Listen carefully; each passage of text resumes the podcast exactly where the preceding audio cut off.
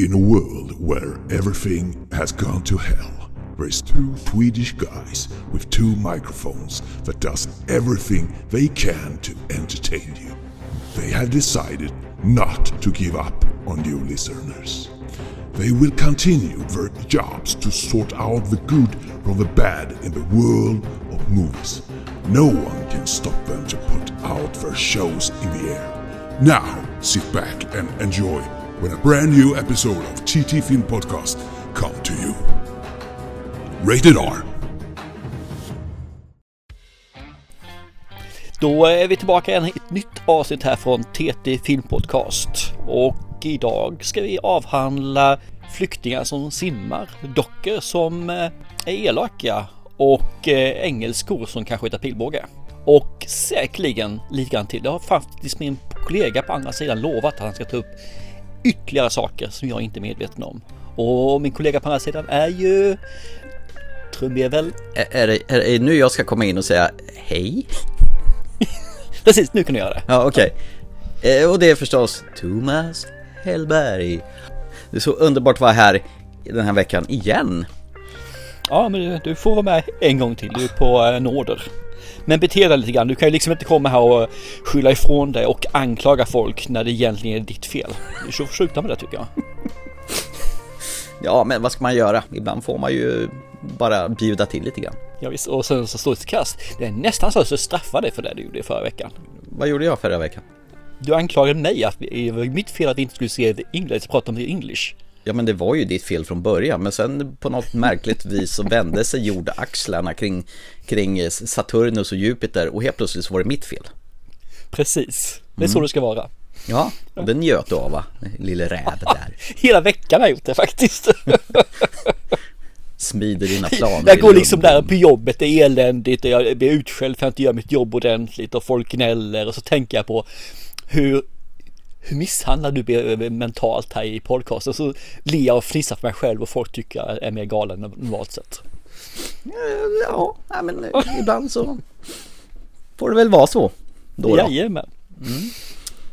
Men i- ikväll så ska vi faktiskt eh, ta det vi båda, som jag gav oss i uppdrag här för ett gäng veckor sedan då. Och prata om, eh, Precis. fast vi sparar den här lilla engelskan till sist va? Det gör vi, absolut. Ja. Jag, vill ju förstås inleda någonting. Jag har ju som sagt hypat detta i det senaste året tror jag sen jag först hörde talas om det här. Men nu har ju äntligen The Last of Us kommit till HBO och hade premiär i måndags den 16. If you don't think there's hope for the world, why bother going on?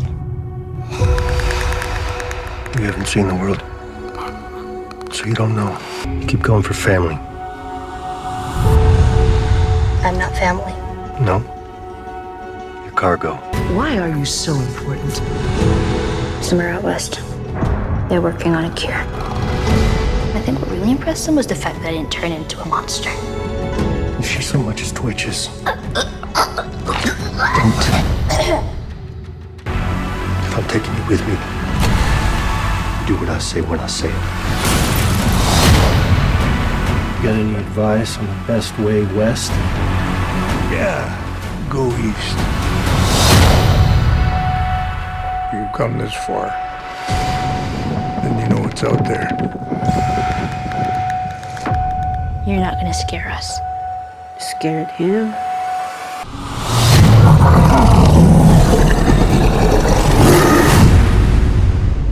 Alltså jag satt ju, jag fick ju vänta ända till tisdagen innan jag kunde se det här för att det, det var ju annat jag gjorde på måndagen och jag, min sambo och ja, min sambo tvingade jag att titta på för jag sa så här du måste vara med om årets största tv-händelse i The Last of Us. Har du någonsin varit med om en, en adaption från en tv-spel till en film eller tv-serie som har blivit bra? Kan du komma på någon? En enda? Eh, från tv-spel till film. Resident Evil 1 och 2 Ja, möjligtvis de här första med Mila Jovovich. Rätt okej, fast inte så troget själva spelet, men ja, whatever. Det blev ju film i alla fall. Ja. Mm. Möjligtvis Silent Hill, den första, tyckte var rätt okej eh, adaption också. Så att du, du, du kan ju gissa att eh, förväntningarna var ju skyhöga, men det som egentligen talade för sin fördel, det är ju att Neil Druckmann som har, har högsta hönset, alltså på eh, Naughty Dog eh, och tillika har skrivit manus i spelet är delaktig som showrunner i det här. Och Craig Massin som har gjort eh, tv-serien Chernobyl, om du minns den, den här med Stellan Skarsgård under. Yes. Eh, så de tillsammans har ju förvaltat detta och Pedro Pascal som vi mer känner igen som Mandalorian spelar Joel och så har vi Bella Ramsey som spelar Ellie. Och man hade ju funderat lite grann på hur det här skulle, vad de för över från det här spelet till eh, tv-serie. Jag måste ju bara säga att jag har spelat det här på PS3, jag har spelat det på PS4 och precis färdig på PS5-versionen och även spelat DLC Left Behind för att vara up to date med eh, vad detta komma skall. Mm. Och, första avsnittet var ihopslängt till en timme och 20 minuter, vilket egentligen skulle vara två avsnitt, men HBO tyckte att vi måste kasta in detta och alla ska etableras så att eh, intresset eh, fortsätter då. Så det blir totalt nio avsnitt istället för de först tänkta tionde. Jäklar vilken mäktig intro det är på det här alltså. Det är gåshud. Trots att man har spelat spelet och vet i stora lag vad som kommer hända så var det så spännande så vi satt och studsade i sofforna där. Nej, det här är makalöst bra. De har rätt budget, rätt kanal, rätt skådisar. En del kommer säkert gnälla på att Bella Ramsey inte alls är lik Ellie i spelet. Möjligtvis också att Peter Pascal inte är riktigt lik Joel. Men det är väl skit i samma, bara man får fram den rätta känslan.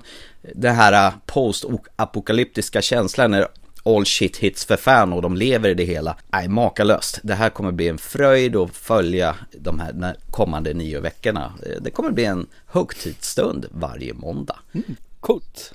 Det är bara att hacka i sig. Har du sett någonting av detta? Nej, än? jag skulle sett det med min son men vi har inte fått någon tid till det. Så att eh, jag kommer nog snart att ge upp det och eh, titta på första avsnittet själv här i veckan. Det är tv-historia som skapas här tycker jag i alla fall. Sen är jag en aning färgad i och med att jag håller spelet så jäkla eh, väl. Men jag tror det som gör att det funkar så jäkla bra, det är att det handlar om två människor som inte har några superkrafter eller någonting sånt, utan det är två sårbara människor som är mitt uppe i allt den här apokalypsen bland alla äckarpäckor som de möter och det här bandet mellan Ellie och Joel som växer medan de backpackar över hela USA. Det är nog det som gör själva spelet är så pass cinematiskt från början så att det är lätt att överföra det till en tv-serie. Jag skulle kunna prata evigheter och där, men eh, vill man ha lite mera ytterligare bakom kulisserna efter man har sett varje avsnitt så har, de först, har ju förstås HBO en podcast som eh, är den officiella Last of Us-podcasten eh, med han rösten som gör Joel i tv-spelet som är host till detta. Också jäkligt intressant om man vill veta hur de har tänkt sig när de har byggt det hela och eh, hur och när och varför. Mm. Mycket bra, stark reklamation, eh, måste ses, kanon. Ja, så! ja, nice. Ja, det är ja. alltid trevligt. Alltså, kickstarta året med det här, det är, ja, det är mums babba. Det kan jag tänka mig, helt klart. Jag vet att du har sett, mm. sett fram emot den hur länge som helst. Så att, uh... Det var länge sedan jag har varit så här barnsligt efter för att se någonting så här mycket. Det är skönt att man får den här känslan och ännu skönare att de uppfyller ens skyhöga förväntningar. Klart, alltså det är en 10 av 10 serie, säger jag redan efter första avsnittet. Men å andra sidan så har de ju fått eh, 99% på Rotten Tomatoes och nästan 97% på IMDB. Både från kritiker och publiken. Så att... Och för er som inte vet om det så är det då på HBO den här går.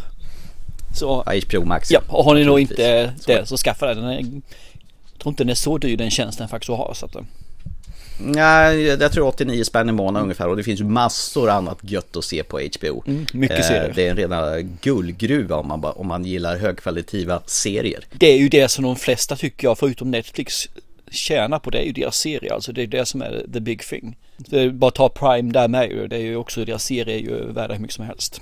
Och det är just det här jag funderar på. När vi summerade filmåret förra året så insåg jag att jag har sett 89 filmer i år. Jag brukar normalt sett se 170 någonstans. Men seriekonsumtionen har ju gått i raketfart. Mm. Och det slog mig lite grann härom veckan när vi, jag lyssnade på Softpodden och Steffo bubblade någonting om att filmer som är över tre timmar, det, varför ska man orka gå iväg på bio och klämma en film som är över 3.08? Jag tänk, tänkte på Avatar 2 och nu så kommer även Babylon, den här, eh, det, han Chazelle som gjorde La La Land och han gjorde den här eh, Whiplash-filmen, Damien Chazelle heter han. Men den filmen är också över tre timmar. Och då känner jag så här, nej fan jag väljer bort den där. Jag har ingen lust att liksom gå iväg och se såna här skitlånga grejer. Men serier kan man ju bara mata på. Jag menar, du kan se ett avsnitt, om du vill se två, tre så gör du det. Men det gör ju ingenting att man håller sig vid ett avsnitt och så tittar man vidare senare. Så Vi hade det här tror jag redan för åtta typ år sedan och här saker. Vi snackade om att serierna började bli så pass bra och att mycket av filmerna skulle lämpa sig bättre för serier.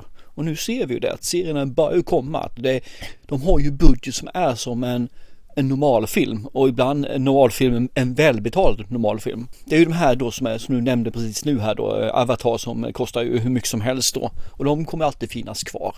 Men tre timmar, då kan man gjort dem till en miniserie på fyra avsnitt istället jag vet inte om man är för rastlös och det finns så Nej, mycket. men nej, nej, det är inte det det handlar om. För gå på bio tre timmar, du ska sitta still i en stol som inte är optimal i tre timmar. Du sitter trångt i tre timmar, du har inte riktigt benutrymme i tre timmar. Och sen så ska du äta och dricka lite läsk samtidigt också som man normalt gör. Och ändå sitta tre timmar. Det går liksom inte. Du behöver ha en rast där, du behöver sträcka på benen, du behöver gå och pissa, det går ju vad som helst. Alltså. Det går ju inte att dricka en halv liter vätska. blåsan! Ja, men en halv liter vätska liksom, kom igen det går ju inte. Så att det, det är det det handlar om, alltså två timmar är max tycker jag på en biofilm. Efter det så är det, det, det blir för mycket. Hemma kan jag se en film på tre timmar, det kan jag göra, men då delar jag oftast upp den. Så ser man den, sen går man iväg och vad man vill göra för någonting, mat, eh, toalettbesök, kaffe, whatever. Och sen ser man resten sen. Men det är inte bio, så sköna är inte stolarna där så du klarar tre timmar sittande utan att det ska vara riktigt, riktigt obekvämt. Och det, det verkar ju som det går någon form av vad heter inflation Ja. i filmer. Att de ska vara, alltså det här 1,40 och det är ju väldigt sällsynt numera. Utan det är ju väldigt ovanligt att en film är kortare än två timmar eller två timmar plus numera. Japp. Det är, jag tycker inte om den utvecklingen riktigt. Du, när du ändå höll på att prata lite serier så ska jag vilja prata om en serie till innan vi eh, går iväg på ordinarie programmet. Ja men vad trevligt, vad trevligt. Vad har du då att eh, Jag har faktiskt en på? liten Prime-serie, Amazon Prime, som dök upp här för inte så länge sedan. Och det är The Rig. Before we get to today's work plan, I know some of you have been waiting for your ride home, but you're gonna have to wait a while longer. How long, Magnus? Until there's a ride available, we all have work to do.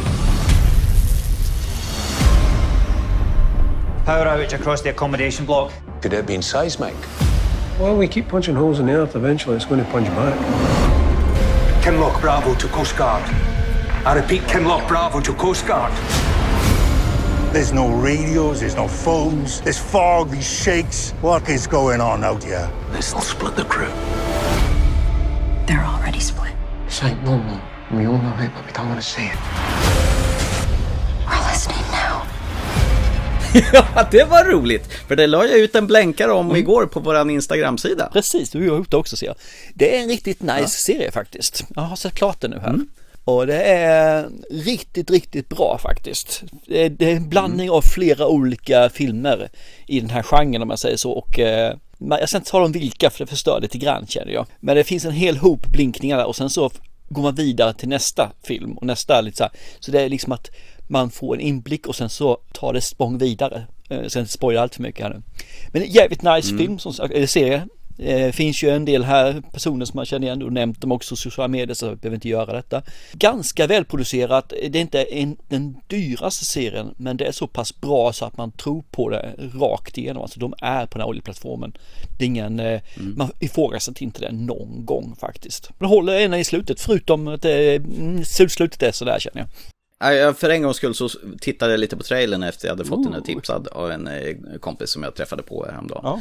Det kändes lite, ja, nej. Eh, se själv, gå in med den utan att eh, veta någonting om det så blir det nog kanske mycket smaskigare. Ja, jag tror det. The Rig med andra The ord. Rigged. Ja, jag såg att han från In the Line of Duty som vi bingwatchade hela förra sommaren med, var med och sen han eh, som är rådgivare i Game of Thrones. Precis, eh, den här var riddaren ja. Så- Ja, precis. Och eh, brittisk välproducerat verkar det vara. Så att eh, det här är nog mumma för Måns som du brukar säga. Det är lite kul att just när man tänker Nordsjön så tänker man alltid på norska pla- oljeplattformar och riggar där liksom. Men nu är det en skottisk rigg istället med deras karaktärer. Nej men eh, jag kan rekommendera den eh, varmt. Då fick vi alltså två stycken stekheta tv-serietips som man kan eh, njuta av nu. Ja, från två stycken ganska billiga streaming-sajter också. Mm. Båda två är ju under 100 spänn så att eh, Har man inte det så har ju två olika orsaker att skaffa en av varje nu då. Ja, det tycker jag. Åtminstone skaffa sig, titta igenom den här serien då på Amazon Prime. Du brukar få, kunna få en månad gratis ju. Ja. Och det kan man få på Mm. HBO också. Så den här finns hela serien ute. Så det är liksom bara att tjusch, in, binga den och sen så behöver man inte betala mer utan det kan man hoppa ut om man nu inte tycker att det finns mer att se på Amazon. Vilket det då gör bevisligen. Vi kommer ju till det senare. Det värsta är att man kan ju se, oj, här har vi Sagan om ringen-serien, oj, här har vi Jack Reacher-serien, Mm. oj, här har vi Jack Ryan-serien och där har vi serien som vi ska prata om senare i, i kväll också. Ja, för det roliga är att jag skulle ju faktiskt avboka Prime-abonnemanget tänkte jag nu här för jag har ju sett det och sen dyker ju English upp och sen dyker The Rig upp och sen dyker ju snart nästa, äh, Jack Ryan dyker upp och sen dyker Reach dyker upp snart också. Jag blir ju fast med den här streamingtjänsten. Mm. Sucker! ja, det är som det är. It is what it is, Yes. som det brukar heta. Så, Mm. ska vi hoppa vidare Ja. till eh, vår nästa två timmar plus film? Eh, ja, det kan vi göra. Det här var ju en film som jag faktiskt nämnde i vår nyhetspodd att jag hade börjat se och inte så klart det för jag fick problem med min förbaskade Netflix. Och nu har både du och jag sett klart den. The Swimmers. One day, I want to swim in the Olympics. In has escalated out of control.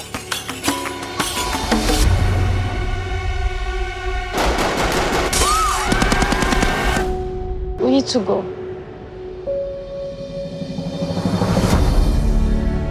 He says he can get us on a boat to Greece. There's no more room in the boat. We're too heavy. The boat will sink. We to swim.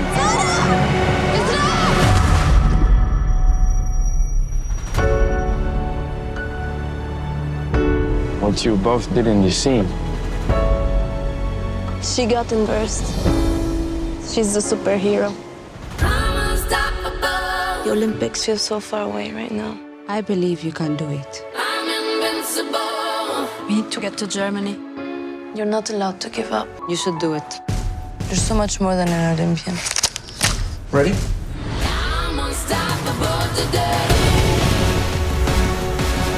Swim for me. For everyone who died trying to find a new life. Swim for all of us.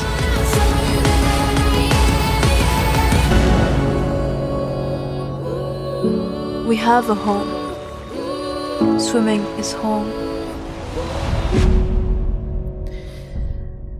Ja, två timmar och 14 minuter om syriska tjejer. Här möter vi ju två syskon som sagt var från Syrien ju.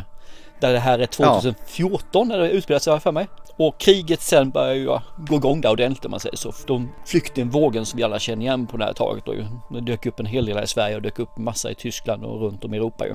Och de här är ju, tar ju också beslut att vi måste fly, alltså dottrarna i alla fall, plus deras kusin hänger med också som ett förkläde. För detta för att den yngre systern är under 18 och då kan man begära att föräldrar och släktingar ska kunna följa med. Är man 18, ja då är man 18, går det inte mycket att göra åt det. Men hon är då under 18 så där, då skulle hon kunna fly till Tyskland och sen begära att de tar eh, rätt på deras mamma och pappa också. De får komma också, även deras yngre syster. Och det man får följa här då det är ju de här syskonen, de håller på med simning. Deras pappa har tränat dem och hon ska då vara med i OS. Men just på grund av det här kriget så blir ju det svårt som sagt för. Och eh, då får man ju följa deras flykt till ja, egentligen från Syrien genom Europa, över land och hav och eh, hur de så ska komma fram till Tys- Tyskland. Deras farsa, han är ju verkligen sån där som smiskar på sina Mhm. döttrar. Och han verkar ju tycka att den ena är ju jättesmart och den andra är ju duktig på att simma så att han värderar dem lite olika sina Ja, döttrar. precis. Fattar du varför de pratar engelska ibland och syrianska ibland? Varför liksom inte hela deras konversation var på syrianska? Därför att det blir nog mer kommersiellt med engelska. Det är nog Mm, enbart jo. därför. Det är många som Bra. inte ser en sån här film om det är syrianska i 90% av tiden. Och jag har inga problem med det heller egentligen. De, de får in syrianska när det just handlar om när det blir lite mer privat och det blir lite mer eh, mellan, som mellan syskonen de pratar när det blir allvar, då går de över till syrianska. Och det tycker jag är jävligt snygg touch på det, för då vet man om att nu, nu, nu, nu, är, det, nu är det de som är nära varandra. Ganska obehaglig och nära och intim resa de här systrarna gör tillsammans med kusinen tycker jag. Och det är ju baserat på verklig händelse det här mm. förstås. Yes.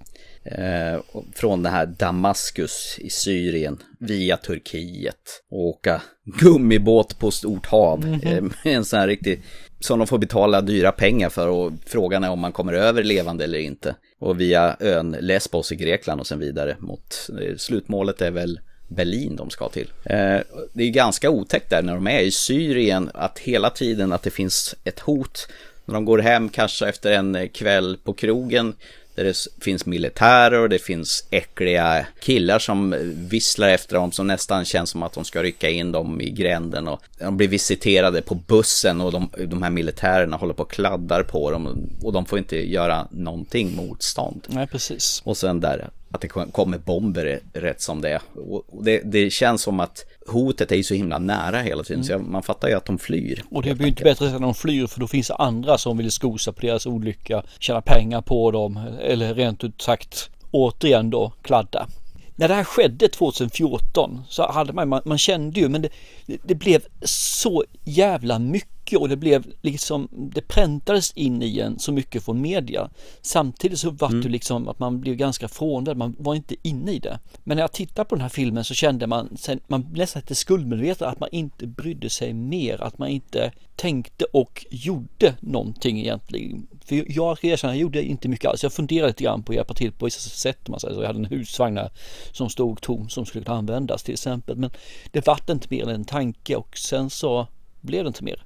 Och så ser man den här filmen och jag mådde nästan dåligt av det faktiskt. Att man inte gjorde något. Man bara satt på sitt arsle och lyssnade och tyckte ja det här är ju synd. Så att det, det var en liten käftsmäll mot en annan får man faktiskt säga. Det var ett par scener i den här filmen som verkligen, jag, jag fick fan ångest av att titta på den här filmen. Dels för den här hemska resan över havet. Mm i, i den här gummibåten. Och det kändes som att utgången är ju helt oviss. Det var gjort på sånt intimt, nära sätt och det kändes så himla ver verklighetstroget. För de här skådespelarna, det, det kändes som riktiga personer gjorde det. Så fanns en scen med en fruktansvärt massa flytvästar på en strand som man fick se via ett fågelperspektiv ja, då, hur det bara ligger driver med flytvästar. Ja, det tyckte jag var cool den scenen faktiskt. Det ligger som ett landmärke på alla som mm. har tagit sig över. Det var nästan så jag bara grinade. Jag tyckte det var så jäkla... Jag blev så tagen av det hela. Det var så obehagligt. Jag menar, vi, vi pratar om skräck och grejer i skräckfilm, vi kan kasta alla de här löjliga skräckfilmerna åt sidan här, för jag menar det här är verklig skräck. Men det är bara för att det är verkligt, bara för att det har hänt. Man vet om att så här ja. var det och då blir det så mycket mer påtagligt.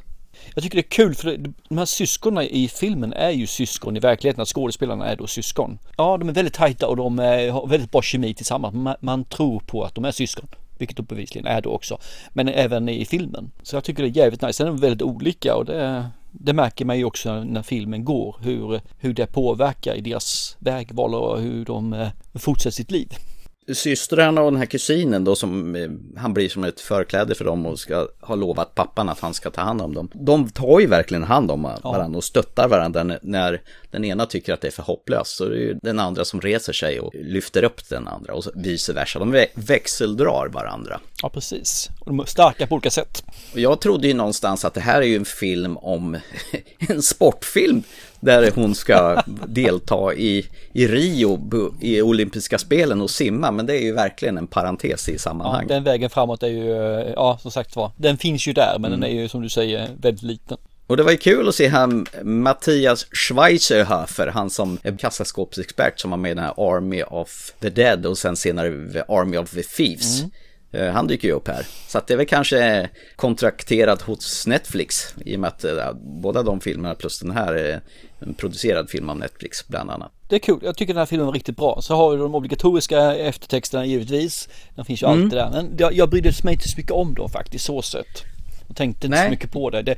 Det som är lite intressant är ju att se ena systern, vad som händer med henne. Den var ju rätt så uppseendeväckande för min del och den är ju då sann också och jag vet att de vill ju använda den till att uppmärksamma hennes situation. Jag vill inte säga mer Mm. än så för det ger bort för mycket om filmen. Jag måste tacka dig att du började prata om det här på våra nyårsspecial. Och sen när vi satt och funderade på vad, vad fan ska vi ta med inför det här programmet. Tänkte, den där fastnade lite grann det du berättade om. Okej. Det här var faktiskt en riktigt härlig pärla som fick mig både må dåligt och må bra samtidigt och tyckte det var fint och fruktansvärt på en och samma gång. Och som du sa, jag hade faktiskt ingenting emot de här stillbilderna och texten vad som hade hänt med de här personerna i verkligheten. För det var lite intressant att veta hur, hur det gick för de här efteråt. Det här var en kanonfilm. I loved it. Jag tycker det var kul. Jag tycker den, jag rekommenderar den här filmen rakt av. Den, när jag pratade om det på nyårspodden så tyckte jag det här verkade bli en riktigt fin film. Nu när jag såg klart den så håller den riktigt hög klass. Den har ju 7,4 på IMDB också så det här är ju ingen blaha blaha film utan den är riktigt bra. Så se den gärna. Mår lite dåligt hur ni betedde er 2014 så är ni inte ensamma. Men annars njut av en jäkligt underbar låg, inte lågbudget men en enkel film kan man säga egentligen. Och sen är förbannat snyggt genomfört. Väldigt snyggt. Ja, det om detta. Då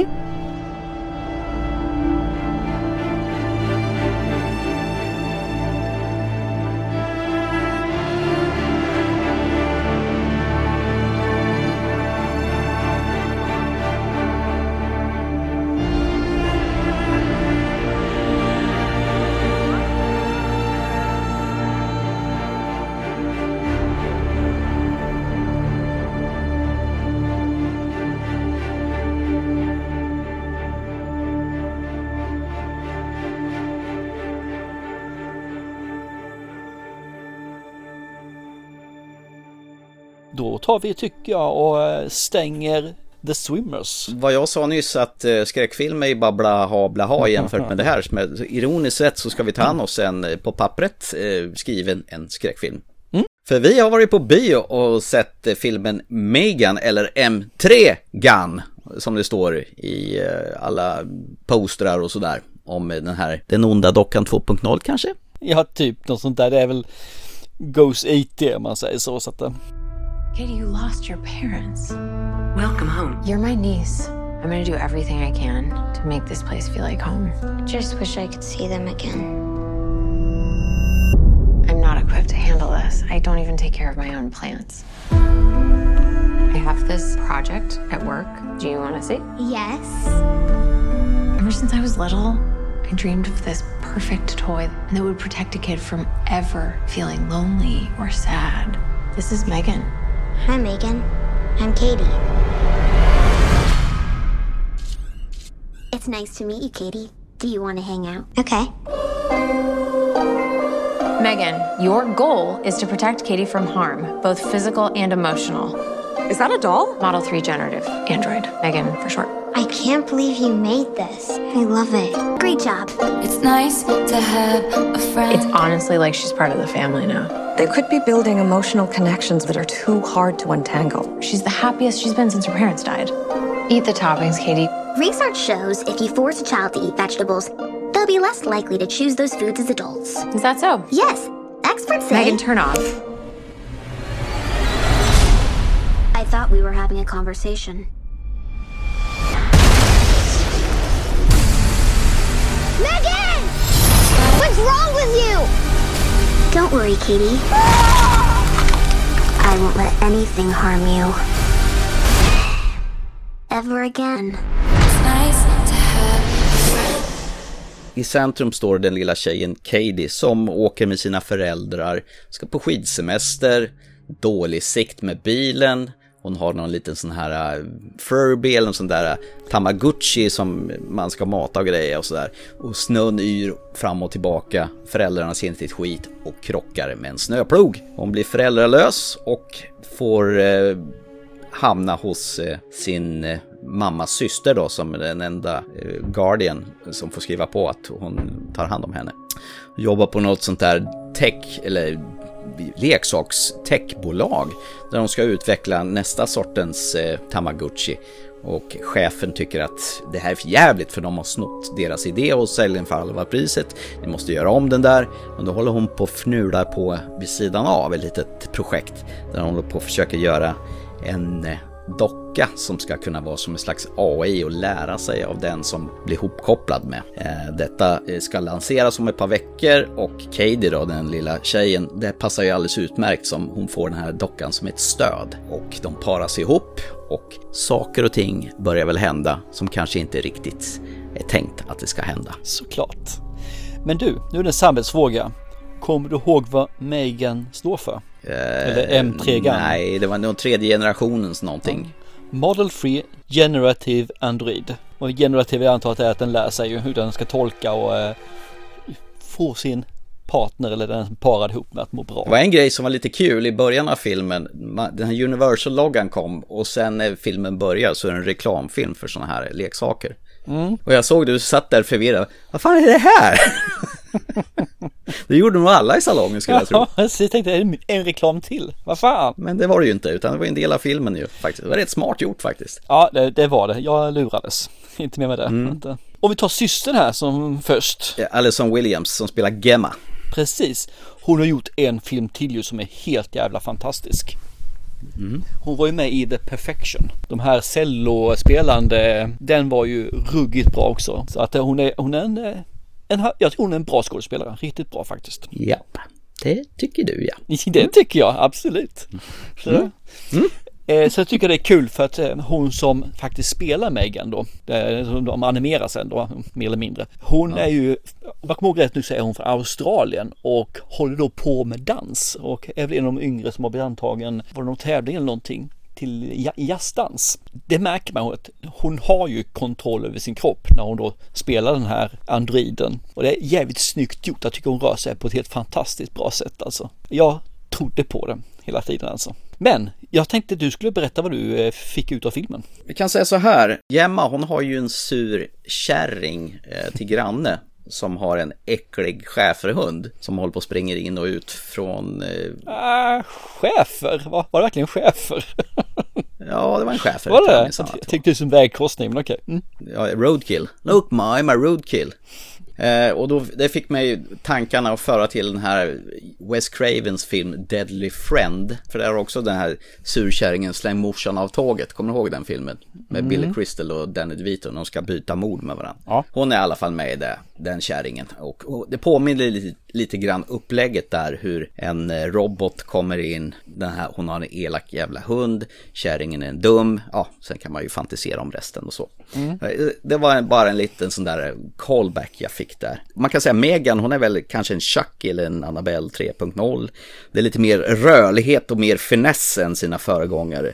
Från man, Megans synvinkel så ser hon väl, hon väl på omgivningen med cynism och hon dräper rätt så bitska kommentarer, vilket jag tycker är rätt så trevligt. Mm. Och så sjunger hon på Sias Titanium och spelar Toy Soldiers på piano. Men vad jag tycker är felande länken i den här filmen, det är faktiskt Alison Williams som spelar Gemma. Aha, okej. Det vad synd. Hon har inget jävla känsloregister överhuvudtaget, utan hon har en blick som bara tittar tomt. Om hon är arg, ledsen eller deprimerad eller glad. Hon har samma ansiktsuttryck i varenda scen. Men eh, det är klart, hon kanske ska vara den här tråkiga vuxentypen som inte vet hur hon ska hantera sitt syskonbarn eller. Jag känner faktiskt hur det kröp i kroppen på mig när Katie kom hem till henne. Jag tänkte så här, vilken jävla tråkig moster hon har egentligen. Jo, men samtidigt får man ju tänka på, hon har ju faktiskt en syster som precis har dött. Det är inte bara tjejen som... Hon verkar ju inte vara ledsen för det direkt. Hon uttrycker ju ingen sorg eller någonting. Jag kan förstå hur, hur, du- hur du tänker där så du gör, men jag, jag hade inte problem med det. För det första så är det inte en dramafilm vi snackar om, utan det här är en vanlig film. En vanlig film säger och då menar jag att det här är liksom en rysare. Ska vara det. Mm, jo, men man måste väl ändå kunna uttrycka någon form av känsla än bara Sen tycker jag hon gör det faktiskt, men hon gör det kanske lite mer subtilt än att hon bölar och hon skriker och överspelar. Det är väldigt subtilt Ja. så det är så sett, men jag tycker hon gör mycket med ögonen. Kommer du ihåg eh, den här kalkonen Horizon Line, eh, det här flygplanet som eh, är slut på bränsle och flyger och är på väg att störta? Mm. Ut, mitt ute ingenstans och de har sönder GPSer och radar och allt fan hans moster. Absolut. Hon var med i den också. Ja, det var hon. Har rätt i. Men det, den var inte bra den filmen. Det var den inte. Ja, men, eh, hon är bra i Perfection, den ena cellotjejen, det kan jag hålla, sig, hålla med om. Men däremot så tycker jag egentligen Violet McGraw som spelar den här unga Katie, hon, jag tycker hon spelar brallorna av sin vuxna medspelare. Ja, det hon har problem med, det funkar. Men hon, ibland går hon är, och är överspelare. Hon går ju från att vara helt lugn och cool till hon är då är hysterisk och slår, sparkar och bits mer eller mindre. Och det blir lite för mycket så det kan bli tycka. Hon är ändå så pass gammal som hon ska vara. Jag vet inte vad hon kan vara, 12, 13 år någonstans där. Så att, Tycker hon är jättebra. Jag säger inte, jag säger inte hon dålig, jag säger att hon är farligt nära det här överspelet alltså. Hon är. Jag, jag tycker fortfarande hon gör det bra, men jag kommer av mig lite grann och berätta. Det jag utlevt lite grann det här är att hon passar ihop med ett beteendemönster som finns i en annan film. Vad fan heter den för någonting? Usch, nu glömmer jag bort vad den heter för någonting. Kommer du ihåg en film där man ser en, eh, det är en bok som öppnar upp och så finns mm. det någon, den heter någonting och så är den jävligt hemsk pojke den filmen som man verkligen vill ska dö. Ja, ja, ja, det är Babadook. Babadook, ja tack. Du är bra på att ta mina förklaringar på filmer som jag själv vet. De två, mm. den här pojken och hon, ibland har samma beteendemönster som gör att man inte tycker om dem. Inte någonstans. Men det finns en viss sympatisk situation så det gör ju i eh, den här lilla tjejen. För man, hon har ju råkat ut för någonting så därför tycker man då att Katie kan kanske komma undan med det. Men det finns ändå där och jag, för ibland så vill jag nästan att, hoppas nästan att den här förbaskade Megan eh, hoppar på henne också. Men de skulle ju vara best friends forever vet du. Hon ska ju skydda henne i vått och torrt. Mot eh, elaka pojkar som eh, vill göra en ela i skogen bland annat. Ja, hur fasen. Ja, men alltså det låter som jag bajsar på den här filmen, men det är faktiskt fel. Jag tycker den här var riktigt jävla underhållande och samtidigt så kanske en kommentar hur vuxna ibland inte tar sig tid till sina mm. ungar utan ersätter dem med någonting annat för att underhålla dem. I det här fallet så är det ju dockan Megan då det här är helt klart en riktig samhällskritisk film sådär. Det, det finns lite grann, ungefär lika samhällskritisk som eh, första Robocop var när den kom. Ja. Den ligger i den genren. Jag tror den här filmen kan bli en riktig klassiker faktiskt. På, på det mm. sättet. För jag, jag tyckte om den här också. Den, den ligger inte i skräckgenren, tycker inte jag. Den ligger mer, kanske lite mer i skräck, light, action, komedi. Satir. Ja, satir och sen så lite komedi finns det också där ju. Ja, satir. Jag tyckte ju om den här filmen också. Den ligger i den här eh, hon som fyller år och dör hela tiden. Ja, ja, ja. Happy Death Day. Tack, Happy Death Day. Ja. Jösses, det här är ett mm. problem idag alltså. Eh, ja. Det ligger samma nivå av skräck och spänning. Ungefär de här två filmerna, de går i paritet med varandra. Sen är det inte samma film överhuvudtaget. Men jag tycker om båda två, men den här filmen är riktigt bra. Jag tycker om Megan som det här, det här hon höjer upp ögonbrynet lite grann, hon nickar lite grann, hon kisar lite grann med ögonen, hon får ett beteendemönster som är väldigt minimalistiskt, den här dockan. Och, ändå och ganska exakt, äckligt! Och man förstår exakt vad hon tänker och känner som man gör. Och det är så jävla nice. Precis som du säger med de här små ansiktsuttrycken. Det är jävligt creepy och det ja. osar ju elakheter i det hela. Hon stöper med munnen lite grann som hon gör någon gång också och man vet exakt this is bad. Det är spännande att du drog referenser till Robocop, för det var lite sådana vibbar jag fick också. Ja, ah, nice. Däremot tyckte jag var riktigt hemsk scen just när hon blir attackerad av den här hunden. Och det var det, är det Megan som blev det ju. Den tyckte jag inte om. Den var lite, ju, nej, ju, tyckte jag inte om alls. Det var faktiskt, det, det, jag tror det faktiskt var den mest hemska hela filmen, när en hund biter en docka. Ja, det är vidrigt, äckligt, usch! Usch! Det är alltså, det vi pratade om förut, det är ju ingenting mot det här, eller hur? Tack! Det känns skönt att du förstår mig. Ja, filmen skulle egentligen ha varit lite blodigare från början, men i USA mm. fick den en PG-13 rating, så de här blodiga scenerna, de krympte dem ner. Man får ibland gissa lite grann hur filmen, eller hur scenerna slutar, utan att visa någonting, men det kan ibland bli lite mer läskigt än att du får se det grisiga. För det var väl att de var väldigt nära att ha en PG-13 istället för mm. R-rated. Ja. Då klippte de om det, det lilla som gjorde det var väldigt lite de klippte om. Jag hoppas ju att när den väl kommer att den kommer att man kan se den här i lite mer slaskig variant faktiskt. För, det, för mig hade det nog eh, gjort den här ännu bättre. Jag tyckte den här filmen var riktigt bra. Men lite mer Gore hade gjort den här superbra. Då tror jag vi hade hamnat liksom på... Den har faktiskt fått ett hedersomnämnande tror jag i våran eh, kära nyårspodd i år nu då. Och där, istället för att komma på listan den kanske kommer som en, en liten bubblare. Nu vet jag inte, nu får den nog eh, ligga till sig lite grann. Vi får, vi väl införa nytt, en ny kategori i vår nyårspodd, årets slafs och plafsfilm kanske, så här, när det är slaskigt. Det här var inte slaskigt alls, det är det som är problemet. Ja, du hade velat haft mer slask. Yes, så är det. Jag tror däremot att man får ju släppa all logik som finns och bara hänge sig åt de här absurditeterna som presenterar sig framför. Det gjorde jag med en gång. Just det här med att en liten docka kan göra det hon gjorde. Det finns liksom ingen fysisk möjlighet till det. Men släpper man det, tar verklighetsförankringen, sen stoppar man den i bakfickan och sen njuter man bara av det som händer utan att bry sig om kan det hända. Då är det här riktigt, riktigt nice. Så jag tycker att alla papper som har flickor som är runt en 13 år ska gå och se på den här filmen.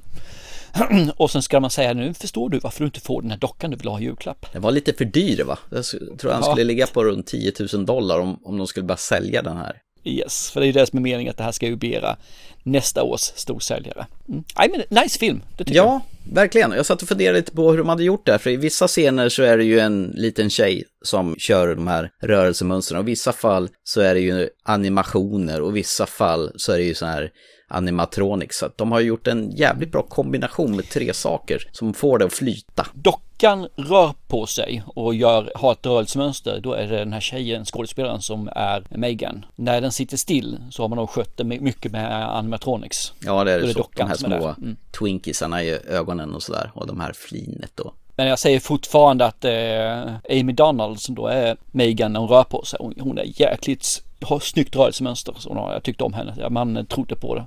Riktigt nice. I liked det var en riktigt, riktigt fin biofilm det här. Och så lägger man en liten eh, plantering för en uppföljare och det är ju redan klart förstås.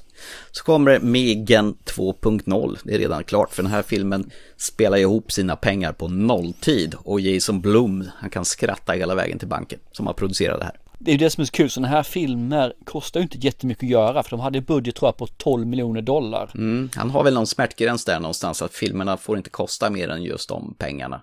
Så att det är ju jättelätt att få tillbaka dem, framförallt när det blir en sån här hype som det blev nu också. För jag var för mig, anledningen till också de la ner den till PG-13 var ju att det här spred sig på TikTok, den här eh, trailern. Mm. Och de här yngre generationen då, tonåringarna, tyckte ju det här var skithäftigt. Så då såg ju marknad att gå ner till eh, PG-13 CFR-rated. Mm, ja, nice film. Jag kan rekommendera den här till eh, alla som tycker om eh, onda dockor. Jag tror vi var för gamla för sånt här, men uppenbarligen inte. Jag kan leka med dockor fortfarande. Eh, jaså, leker du med Big Jim eller vad heter det, Master of the Universe eller vad hade du? Nej, jag kör ju fortfarande den här Ken och den här, Barbie. Barbie, så heter de, tack. Så mycket jag leker med dem. Ja, apropå det, det kommer ju en Barbie-film här snart med Margot Robbie och eh, vad heter den? Louis Gossett Jr. eller på att säga. Nej, vad fan heter den? The Places Beyond the Pines och Drive. Uh, Gosling. Gosling. Ryan Gosling heter den ju. Den... Jag slant lite grann där. Har du sett trailern när ungarna sitter och leker med sina dockor på stranden så kommer Margot Robbie och ställer sig som mm. Barbie där och sen börjar de slå sönder sina dockor. Jo, jag har sett den. Jag undrar om den är, jag undrar vad det är för typ av film. Sagt jag har inte sett mer än det. Äh, Mattel som eh, står ju som medproducent som, har, som äger rättigheterna till leksaken. Så. Ja, det är ja, ingenting jag kommer se i alla fall. Troligtvis inte jag heller. Nej, absolut. Nej.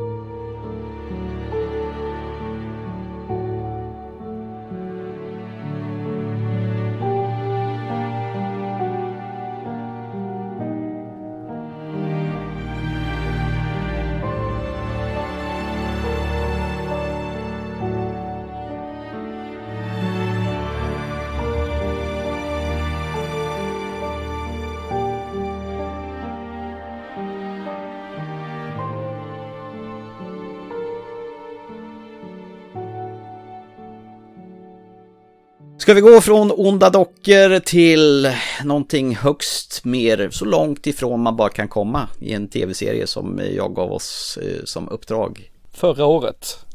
The English. En ja. liten miniserie då från återigen vår eh, kära streamingtjänst eh, Paramount. Paramount menar Amazon Prime? Nej, pr Prime för bövelen. Oh, jösses. My son, he is dead. And up on Powder River there is a man trying to forget that he ever existed. So I'm gonna go up there to remind him. Don't expect me to care for one boy. Help me, please. Can you shoot? If I have to. Oh, you'll have to. My people lived here over 2,000 years. White folk come like locusts, hopping over each other's back to steal land. I just need a few acres, all right? Revenge. You ain't the only one. I got a knack for survival. Nice country. You gonna win? You can't fight fair. You wanna have some fun? Not quite the woman I expected. the only story I can tell is mine. You ain't here but a moment. None of us. One day, you'll go home. Home is here. With you.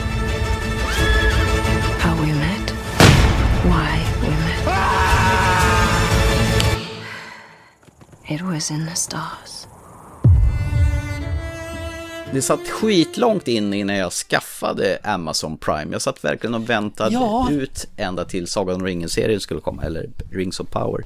Precis. Men jag fattar inte vad jag väntade på, för det finns ju hur mycket gött som helst att se på Nej, Amazon. och vem har sagt till dig det? Att det finns jättemycket där du kan se på. Och jag, nej, nej, nej, nej, jag vill inte.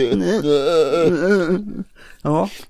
Precis så lät det. Jag är lite trögstartad ibland. Man behöver liksom få tänka på saken typ ett eller två år först innan det... Ja, det här var då fyra år det här också tror jag faktiskt. Ja, den är ju ganska billig, Amazon Prime-tjänsten. Vad är det, 59 spänn i månaden? Ja, eller vad är det är den. Är riktigt billig. Det finns mycket, mycket gott här som sagt var. Jag tycker nästan det finns mer här än det finns på HBO. Mm, ja, det beror väl på vad man gillar kanske. Det finns alltid för något någonstans. Ja, kanske. Ja, ja, jag säger inte att det inte finns något. Jag, säger, jag tror bara, tycker bara det finns nog mer här. Men det är mitt. Men du som har spaghetti western i blodet och andas och skiter och bajsar gamla Clint Eastwood-filmer. The English. Dra premissen och var det någonting du gillade? Det här ska bli jävligt intressant. När du väl säger det här spaghetti och sådana saker att vissa av de här eh, scenerna eller vissa avsnitt här spelas faktiskt in där Sergio Leone gjorde sina spagettivästerns. Så eh, det finns en liten koppling där. Så eh, vi möter ju här våran kära Emily Blunt som Cornelia Locke och hon slår då ja, motvilligt sig samman med en, egentligen motvilligt från hans sida, inte från hennes sida. Eli Whip slår hon samman med som paras ihop och ska resa sig och han kommer då från indianstam Pony. Så han, han har väl egentligen varit i armén, stridit mot indianer egentligen för blårockarna, amerikanerna. Och är nu entledigad och har nog rätt att få en liten landbit som är hans lagliga lott. Och han är på väg tillbaka till sitt, ja, man ska säga hemland där han föddes då. Och Emily Blunt, eller då Cornelia, har väl ungefär samma riktning, eh, ungefär i alla fall en bit. Så de eh, tycker väl att, ja men vi kan väl rida bredvid varandra ett tag. Det man kan säga här är väl att först räddar väl hon honom och sen räddar väl han henne och därav bandet som får till, till varandra. Hon är väl lite ute efter att hämnas på någon man som är ansvarig för hennes sons död. Precis, och eh, det är rätt intressant för det är ju, man vet inte vem det är egentligen hon har hämnas på.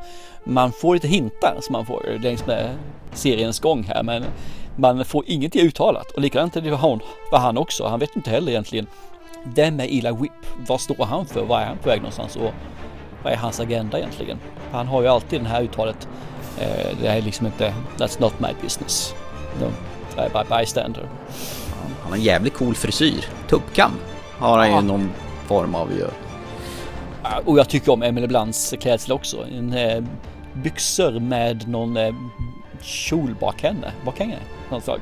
Jävligt nice. Hon är duktig på att skjuta pilbåge och skjuta överhuvudtaget och pricksäker som vå. Ja då, hon utvecklas. Hon gör. Mm. Jag tycker om deras eh, interaktioner de har med varandra. De lär sig av varandra.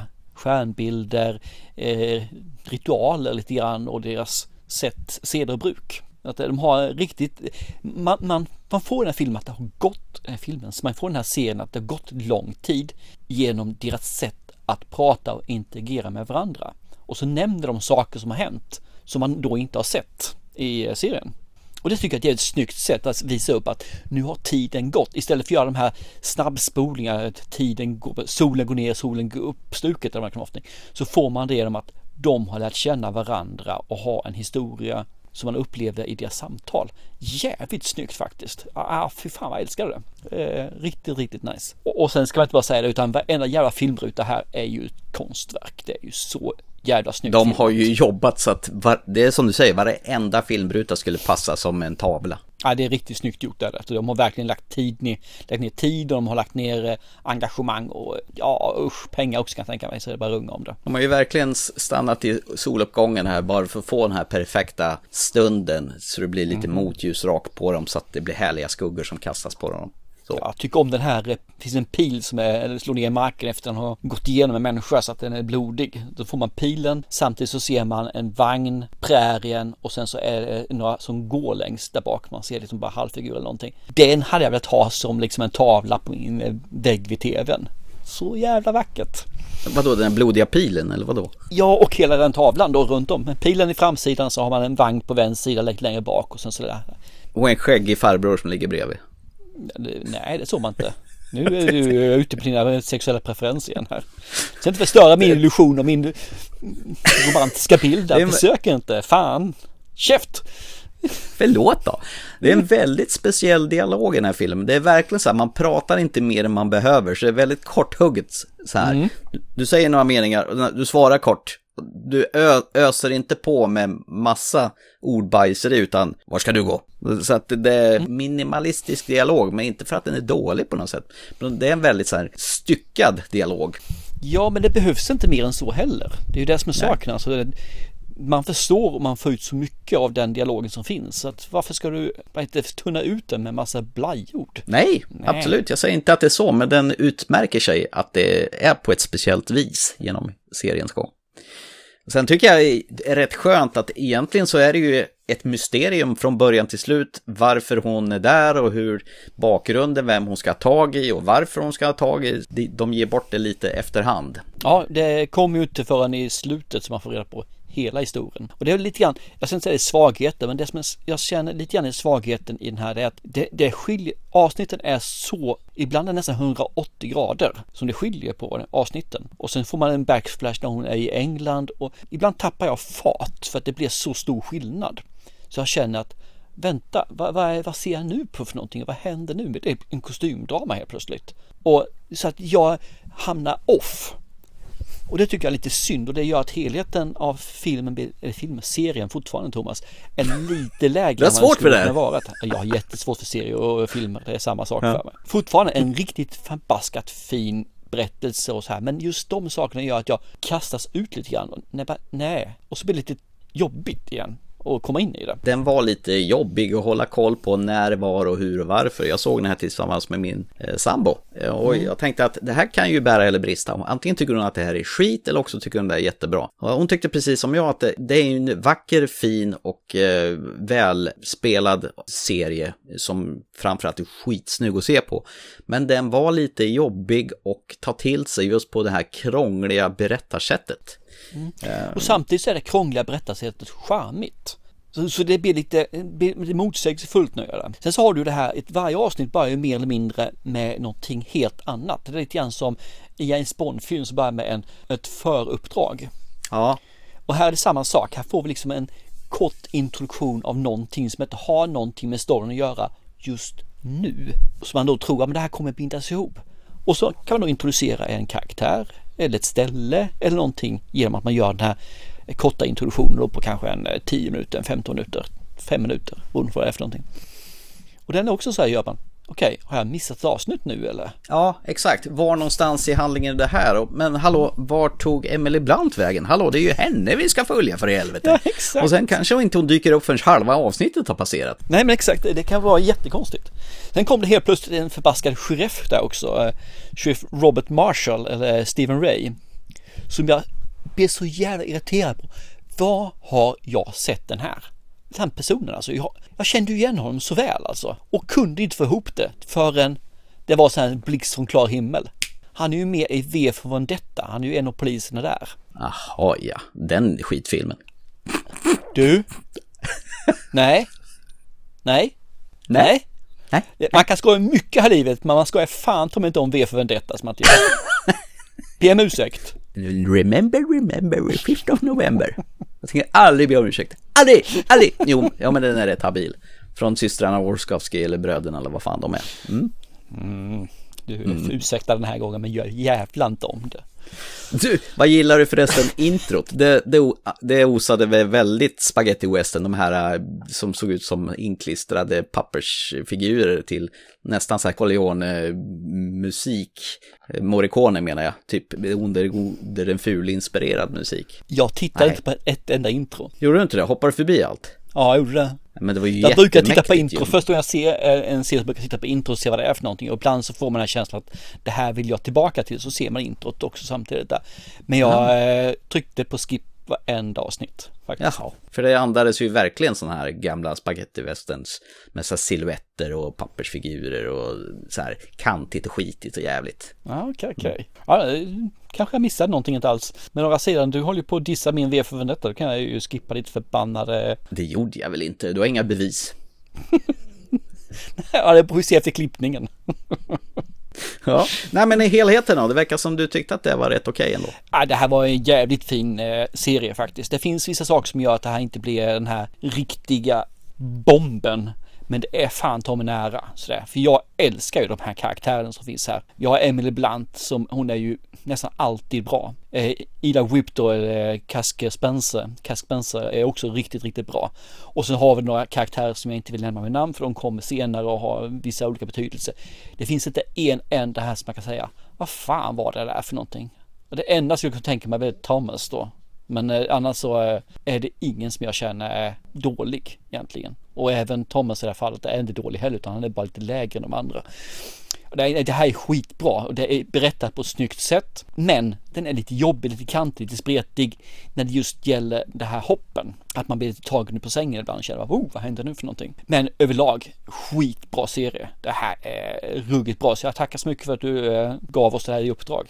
Bara så vi Mm. inte kunde prata om den tidigare då, men eh, det fanns ju vissa anledningar till det. Nu försöker du kringelkroka för att låta så det är mitt fel och eh, det var det ju kanske. Nej, vänta nu. Det var någon som ville se UFO Sweden på bio så vi tog ju det istället där. Och sen skyllde du på mig att det var mitt fel. Så var det nog ja, tror jag. Eller jag vet inte fan. Det var nog mitt fel i alla fall. Eller ditt. Vi kan vara överens om att det var ditt fel, det tycker jag. Ja. Eh, Det, är så, det är så då. Det var Thomas fel, så långt kan vi ja, säga. precis. Eller nej, Hellbergs fel säger vi. Ja, okej. I det läget då är det Hellbergs fel. Exakt. Hellberg har alltid fel. Ja, nej men jag, jag kan rekommendera den här filmen, men, äh, serien fortfarande. Eh, Men man får vara beredd på lite omkastningar. Ja, det är ju en, det är en riktig åktur.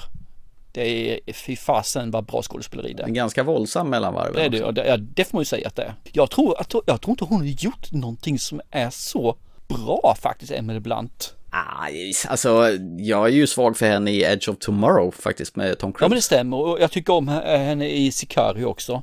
Sen är hon väl rätt skön i uh, A Quiet Place också. Men ja, fast jag tänkte just skådespelerimässigt så är ju inte Quiet Place Ja, hon får ju sväva ut lite Jag grann här. vet inte riktigt. Nu ska det faktiskt komma, vad heter det, Edge of Tomorrow 2 med ju. Ja, det har de ju sagt länge. Det är nästan så jag inte börjar tro på det länge, men det kanske det gör. Jag ska erkänna att den är bara ryktad än så länge, så, den är, så vi får se för någonting. Men däremot så ska Okej. vi jättekul att se henne i min favoritfilm 2023 och det är ju Oppenheimer, där hon spelar Kitty Oppenheimer. Just det, det var ju en hel drös med sköna skådisar som skulle vara med i Nolans nya film.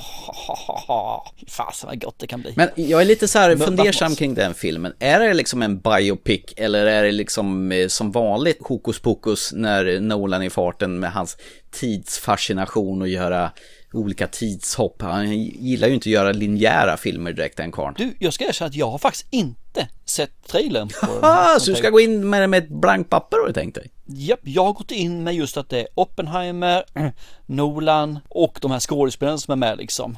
Eh, Cillian Murphy, Emily Blunt, Matt Damon, Robert Downey Jr. Florence Pugh, Gary Oldman, Kenneth Branagh. Jag menar, vad är det som jag inte, Rami Malek glömde jag liksom också. Gustav Vilket Skarsgård. rövgäng han har dragit ihop då. Ja, det går liksom inte att säga något annat alltså. Du Mm. måste ju se den här. Jag har bara sett posen när det står någon med såna här äh, glasögon och en atombomb briserar i bakgrunden. Med såna här sol, mörka Ja, solglasögon. Ja, apropå mörka solglasögon. Kärringen i svarta kläder och solglasögon och var svart runt ögonen, hon var skön. Ja, det håller jag med om. Fan vilka sköna karaktärer i den här. Ja, nej, men det är som säger, det här är riktigt bra. Emily Blunt gör det bra. Det här är nog hennes, enligt mig, i alla fall topp tre av vad hon har klarat av skådespelarmässigt. Jag tror nästan det här är toppen för mig faktiskt. Hon är och studsar på en bra prestation där. Så har ni Prime Video så titta verkligen in på det här. Det är sex avsnitt. Jag vet inte vad är de, en timme stycken och sånt där. Eller ja, de är hyfsat långa. Det studsar lite grann. Jag tror sista avsnittet var tror jag med 79 minuter till och med. Men det ja. är rätt fint att man behöver inte ha exakt spellängd som det var förr, utan man kan göra lite som man vill. Ena avsnittet kortare, andra lite längre. Ja, jag tittade inte grann på vad de har fått i betyg som sagt var och det lägsta betyget, de ger betyg för avsnitten. Det är avsnitt 2 fick 7, nej säg förlåt, avsnitt 4 fick 7,6. Men sista avsnitt fick 8,5 i betyg. Det är en bra avslut får man säga. Så de som har sett den här är ju nöjda med hur den, den slutar. Jag misstänkte att det här skulle vara din kopp te. Definitivt. Mm. Känner du klar med The English förresten? Ja, för jag, för jag är lite sugen på att gå vidare till det näst sista segmentet. Vänta nu, det näst Jaha, det är någonting jag inte vet om här nu. Nu, nu börjar jag bli orolig. Ja, det är min tur att välja här nu ju. Ah, all right. Och jag såg en film här för ett tag sedan. Mm. Av en händelse bara.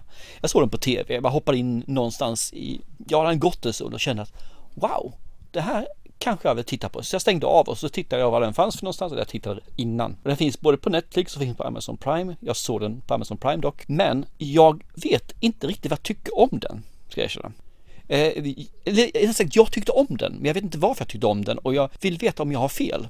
Så därför ska du få ett uppdrag här att se den här filmen och jag ska ta om ett jävla skit om den. Du ska få namnet på den och du ska få... Ja, men det var ju bra så jag vet vad jag ska leta efter. det blir enklare då, så det blir helt klart. Du ska få uppdraget att inte söka på den här. Du ska inte läsa överhuvudtaget. När du sätter igång den ska du bara trycka på play. Du ska inte läsa vad den handlar om eller någonting. Du ska helst inte ens titta på bilden som kommer upp. Nej men det är väl som jag brukar göra. Och den heter Together Together.